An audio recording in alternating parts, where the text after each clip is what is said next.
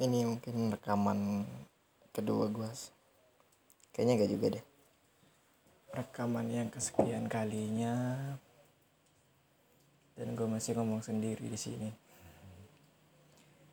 Jadi tadi itu entah kenapa gue kepikiran tentang dongeng-dongeng yang ada di isi tentang dongeng-dongeng yang ada di Indonesia gitu. Gue nonton terus kepikiran aja tentang dongeng-dongeng itu dan ternyata dongeng-dongeng Indonesia tuh cukup unik meletakkan perempuan di dalam subjek dongeng itu. Uh, jadi uh, pemahaman dasar yang gue terima adalah dongeng itu adalah wujud manifestasi dari pemikiran masyarakat zaman dahulu untuk menyampaikan pesan-pesan tertentu gitu. Nah, dan ini merupakan apa ya gambaran umum pemikiran orang yang ada di zaman dahulu. Kayak um, legenda terus cerita-cerita tentang si kancil. Banyak lah pokoknya cara mereka untuk mengajarkan kepada anaknya dengan cara ya dongeng-dongeng itu tadi karena media zaman dulu kan nggak kayak sekarang gitu. Uh, media pengajarannya terus pemahaman tentang alam pemahaman tentang ilmu pengetahuannya nggak semaju sekarang. Caranya tuh ya cara tradisional melalui dongeng atau legenda.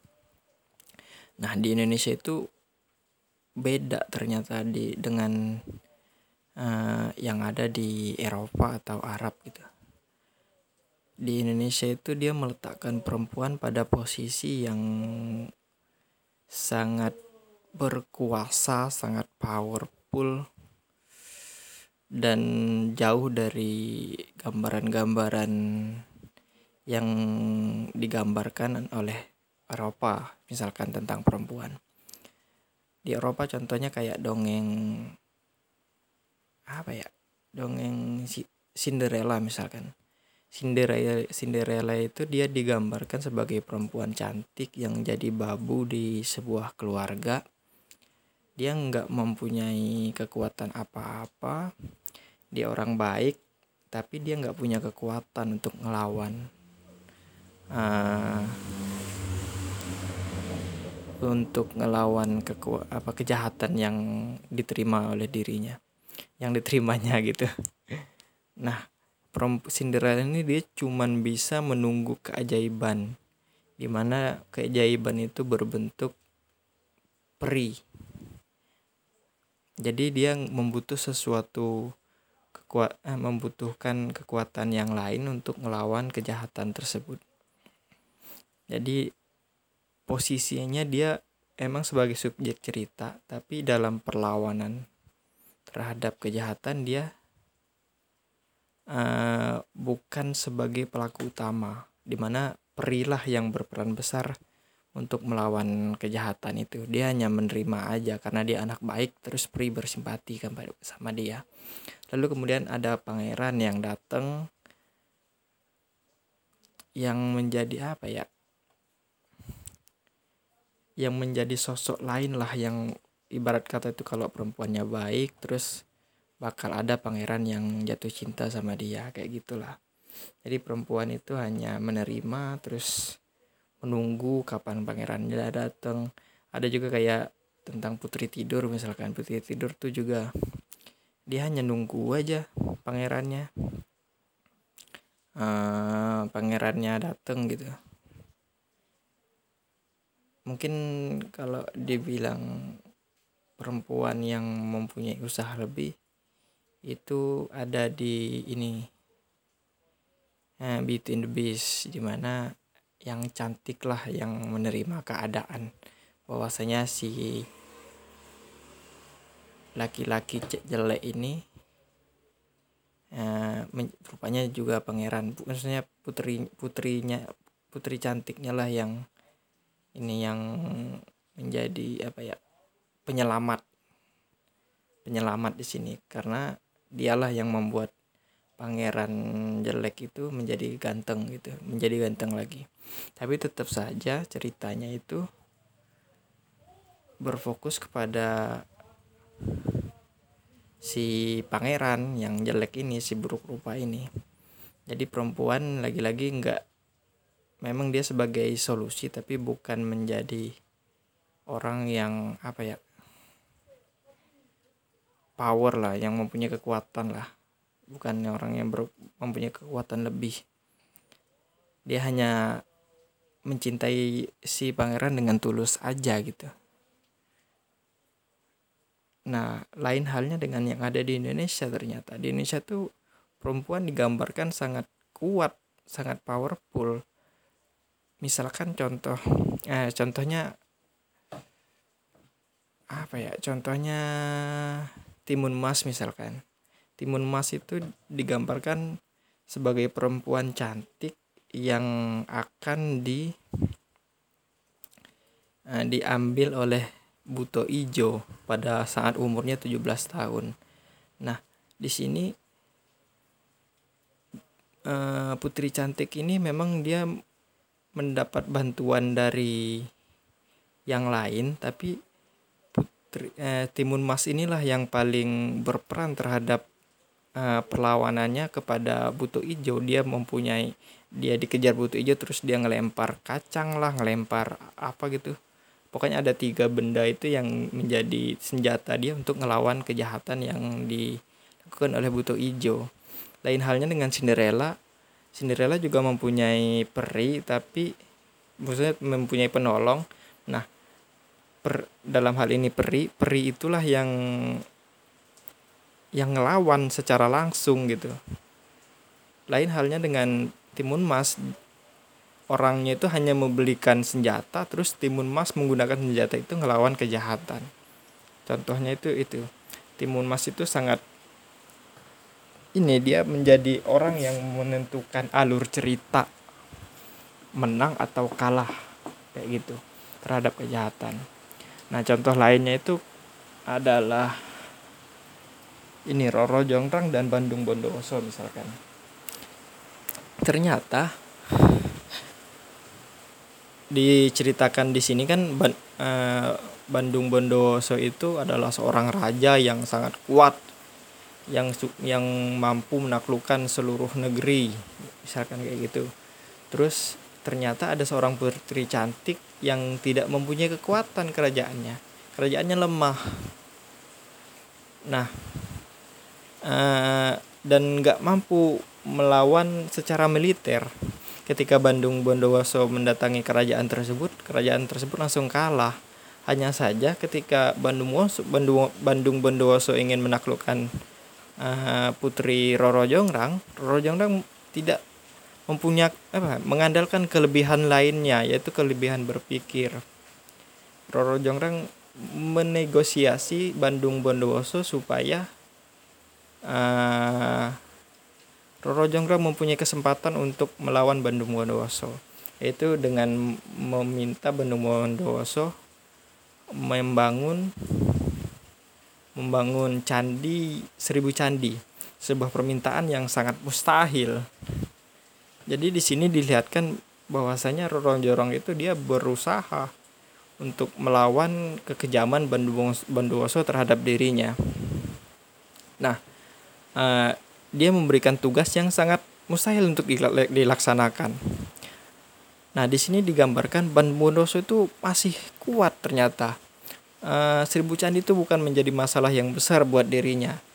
Jadi ada tantangan lebih. Dia nggak hanya sekedar uh, Roro Jonggrang ternyata dituntut untuk melakukan hal yang lebih dari sekedar uh, apa ya sekedar permintaan uh, membangun candi tersebut ternyata ketika diketahui Bondowoso Bondowoso mampu untuk membangun itu dia memikirkan cara yang lain yaitu uh, dengan memanipulasi alam di alam dimanipulasi menjadi apa uh, jadi pagi gitu jadi jin-jinnya itu kabur akhirnya tugas tugas dia untuk membangun seribu candi itu gagal.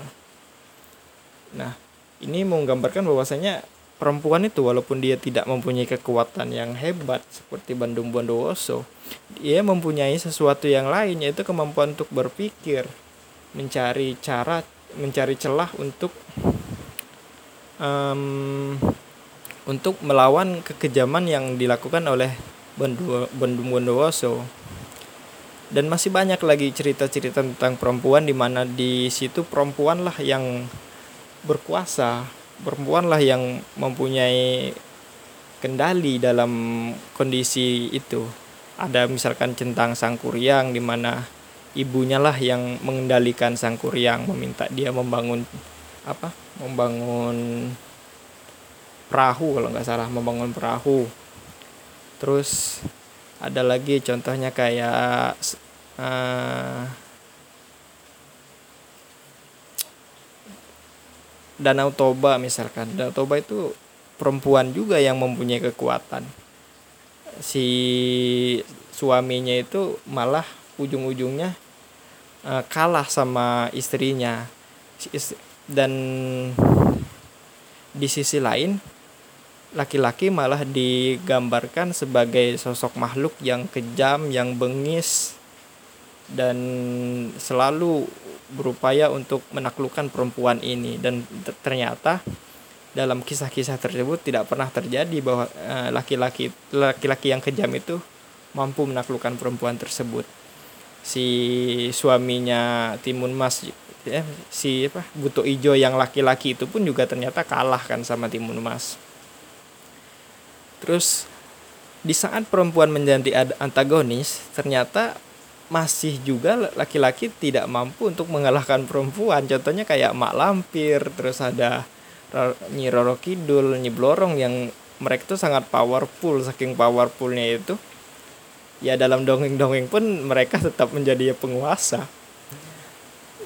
Sangat jarang ditemukan bahwasanya Nyi Blorong Mak Lampir atau mungkin nggak ada kayaknya dongeng yang menyatakan bahwasanya mereka lah yang kalah.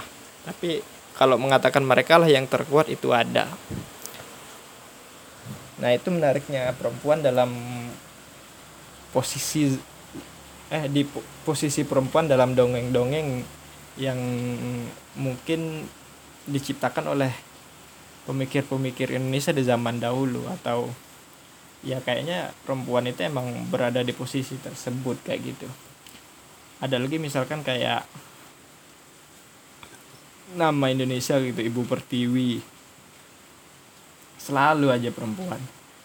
E, di Sumatera Utara itu ada selain e, Danau Toba ada juga tentang Sampuraga di mana kisahnya mirip Sangkuriang. Nah de, e, ibunya mengutuk anaknya menjadi air atau apa gitu. Pokoknya ibunya itu menjadi lebih powerful. Walaupun dia lemah dia tetap lebih berkuasa dalam kisah tersebut. Nah uniknya dalam kisah ibu ini gak ada anak yang durhaka sama bapaknya. Uh, belum belum ditemukan. Gue belum tahu ada cerita tentang anak yang durhaka sama bapaknya Sampuraga itu ibunya terus kayak Maningkundang ibunya. Ada lagi yang kayak batu terbelah itu itu juga ibunya.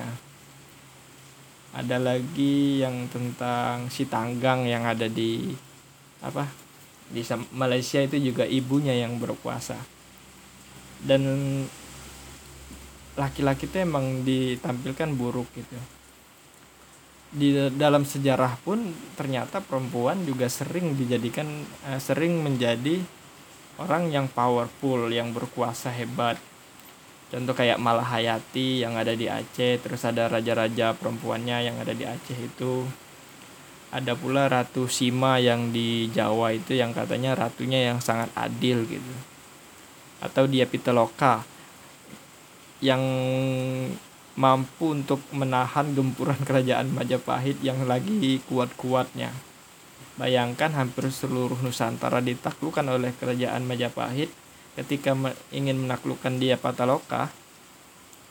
Kerajaan Majapahit kalah justru di perang Bubat itu. Nah ini hebatnya perempuan, posisi perempuan dalam kisah-kisah legenda, kisah-kisah dongeng di Indonesia. Nah kemudian muncul perubahan, ah, perubahan mun, apa sih perubahan ya perubahan astagfirullah. Ribet banget dah. Kemudian perubahan itu muncul ternyata uh, di akhir-akhir ketika Belanda sudah menguasai Indonesia. Gak hanya Belanda ada juga pengaruh Arab ya. Gue nggak bilang pengaruh Islam sebenarnya karena pada dasarnya Islam posisi perempuan di dalam Islam itu nggak seperti posisi perempuan di dalam masyarakat Arab pada umumnya jadi pengaruh Arab lah yang lebih berperan dalam uh, merubah posisi perempuan di Indonesia.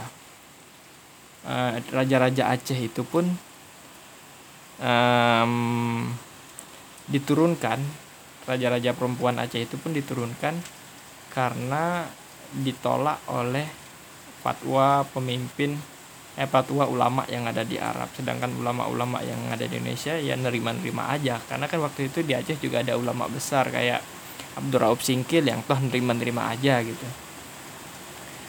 Um,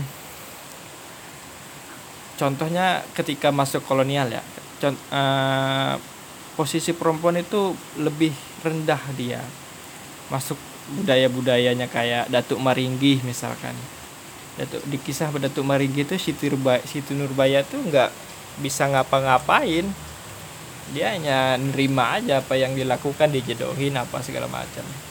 Nah Datuk Maringgi itu sebenarnya uh, wujud dari da, apa ya pengaruh budaya Eropa terhadap kisah-kisah yang ada di Indonesia. Kemudian setelah, uh, setelah itu perempuan berubah drastis hampir tidak ditemukan apa ya um, perempuan-perempuan yang super power lagi kayak yang diterjemahkan oleh masyarakat Indonesia dahulu itu di dongeng-dongeng dan legenda. Um, di sinetron kemudian kita kan masuk ke zaman film perfilman. Di perfilman itu yang muncul justru adalah ini um, pendekar-pendekar hebat kayak Wiro Sableng terus Wiro Sableng terus ada Bri Prima ada Cibuta dari Gua Hantu. Dan banyak banget dominasi perempuan. Hanya saja uh, pemikiran-pemikiran terhadap feminisme udah ada udah muncul lah waktu itu. Lahirlah kayak Sri Kandi atau siapa itu yang yang di bumi langit kan itu kan perempuan tuh yang jadi pemimpinnya pemimpin di bumi langit. Nah itu bukan di, itu diciptakan bukan berdasarkan kebudayaan Indonesia itu diciptakan karena masuk pengaruh feminisme dari Eropa. Bukan merupakan wujud resmi dari apa ya dari buah pemikiran yang seperti di Pitaloka atau Roro Jongrang. Di dalam kisah-kisah klasik tetap saja perempuan menjadi ini uh, nggak nggak lebih superior lah. Perempuan digambarkan diperkosa terus menjadi alat kekuasaan dan lain-lain lah. Pokoknya uh, perubahan-perubahan ini muncul di belakangan di belakangan dan dibawa oleh pengaruh luar itu hebatnya. Dan sekarang masuk ke sekarang Indonesia akhirnya menjadi apa ya? Menjadi lemah terhadap um, terhadap pengaruh dari luar kali ya. Bukan pengaruh dari luar juga secara identitas lah misalkan.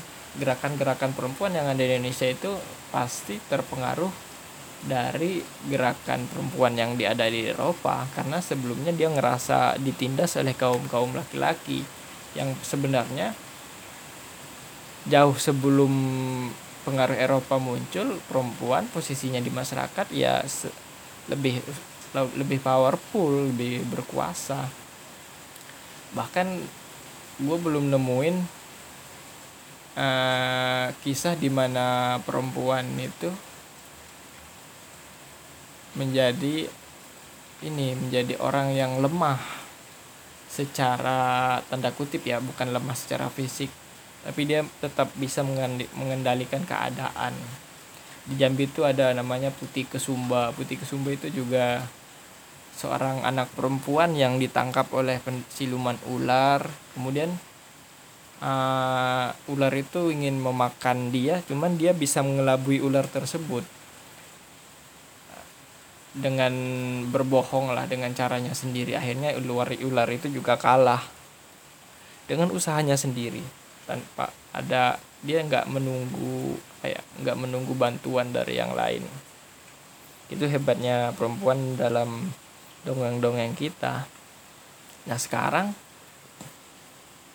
eh, gerakan-gerakan perempuan itu nggak muncul dari ruh tersebut dia muncul dari ruh yang lain nggak ada salahnya emang um, tapi cara orang itu nggak masuk ke dalam perempuan apa Eh, perempuan-perempuan desa yang udah ke distraksi pemikirannya sama pemikiran eh kebudayaan Eropa terhadap perempuan.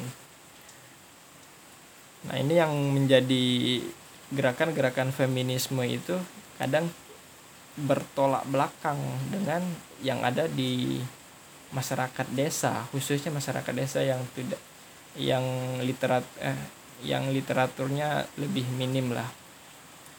Kayak gitu. Unik sih uh, posisi perempuan yang ada di ini di dongeng-dongeng itu. Dan hampir tidak ditemukan lagi dongeng-dongeng di luar negeri yang mampu me, apa ya merepresentasikan kekuasaan perempuan seperti yang ada di Indonesia. Di Aladin misalkan, Aladin yang menjadi orang apa subjek utamanya si Aladin si Ratu Jasmine hanya nunggu-nunggu aja apalagi tuh Putri Salju juga ya lagi-lagi putrinya bukan ini digambarkan seorang yang yang lemah yang lagi-lagi nunggu pangeran atau nunggu apa? Nunggu nunggu nunggu pri beri menunggu pri bantuan dari pri. Nah itulah uh, bacotan gua malam ini karena gue baru kepikiran aja. Dan kayaknya agak ini ya agak noising karena lagi hujan di luar. Gue nggak tahu nangkepnya bagus atau enggak ini rekaman. Dan karena gue udah lama nggak ngomong ternyata susah juga kalau ngomong kayak gini presentasi kayak gini. Uh, belibet ngomongnya. Nggak inilah nggak lancar. Yup. Uh, boleh setuju boleh enggak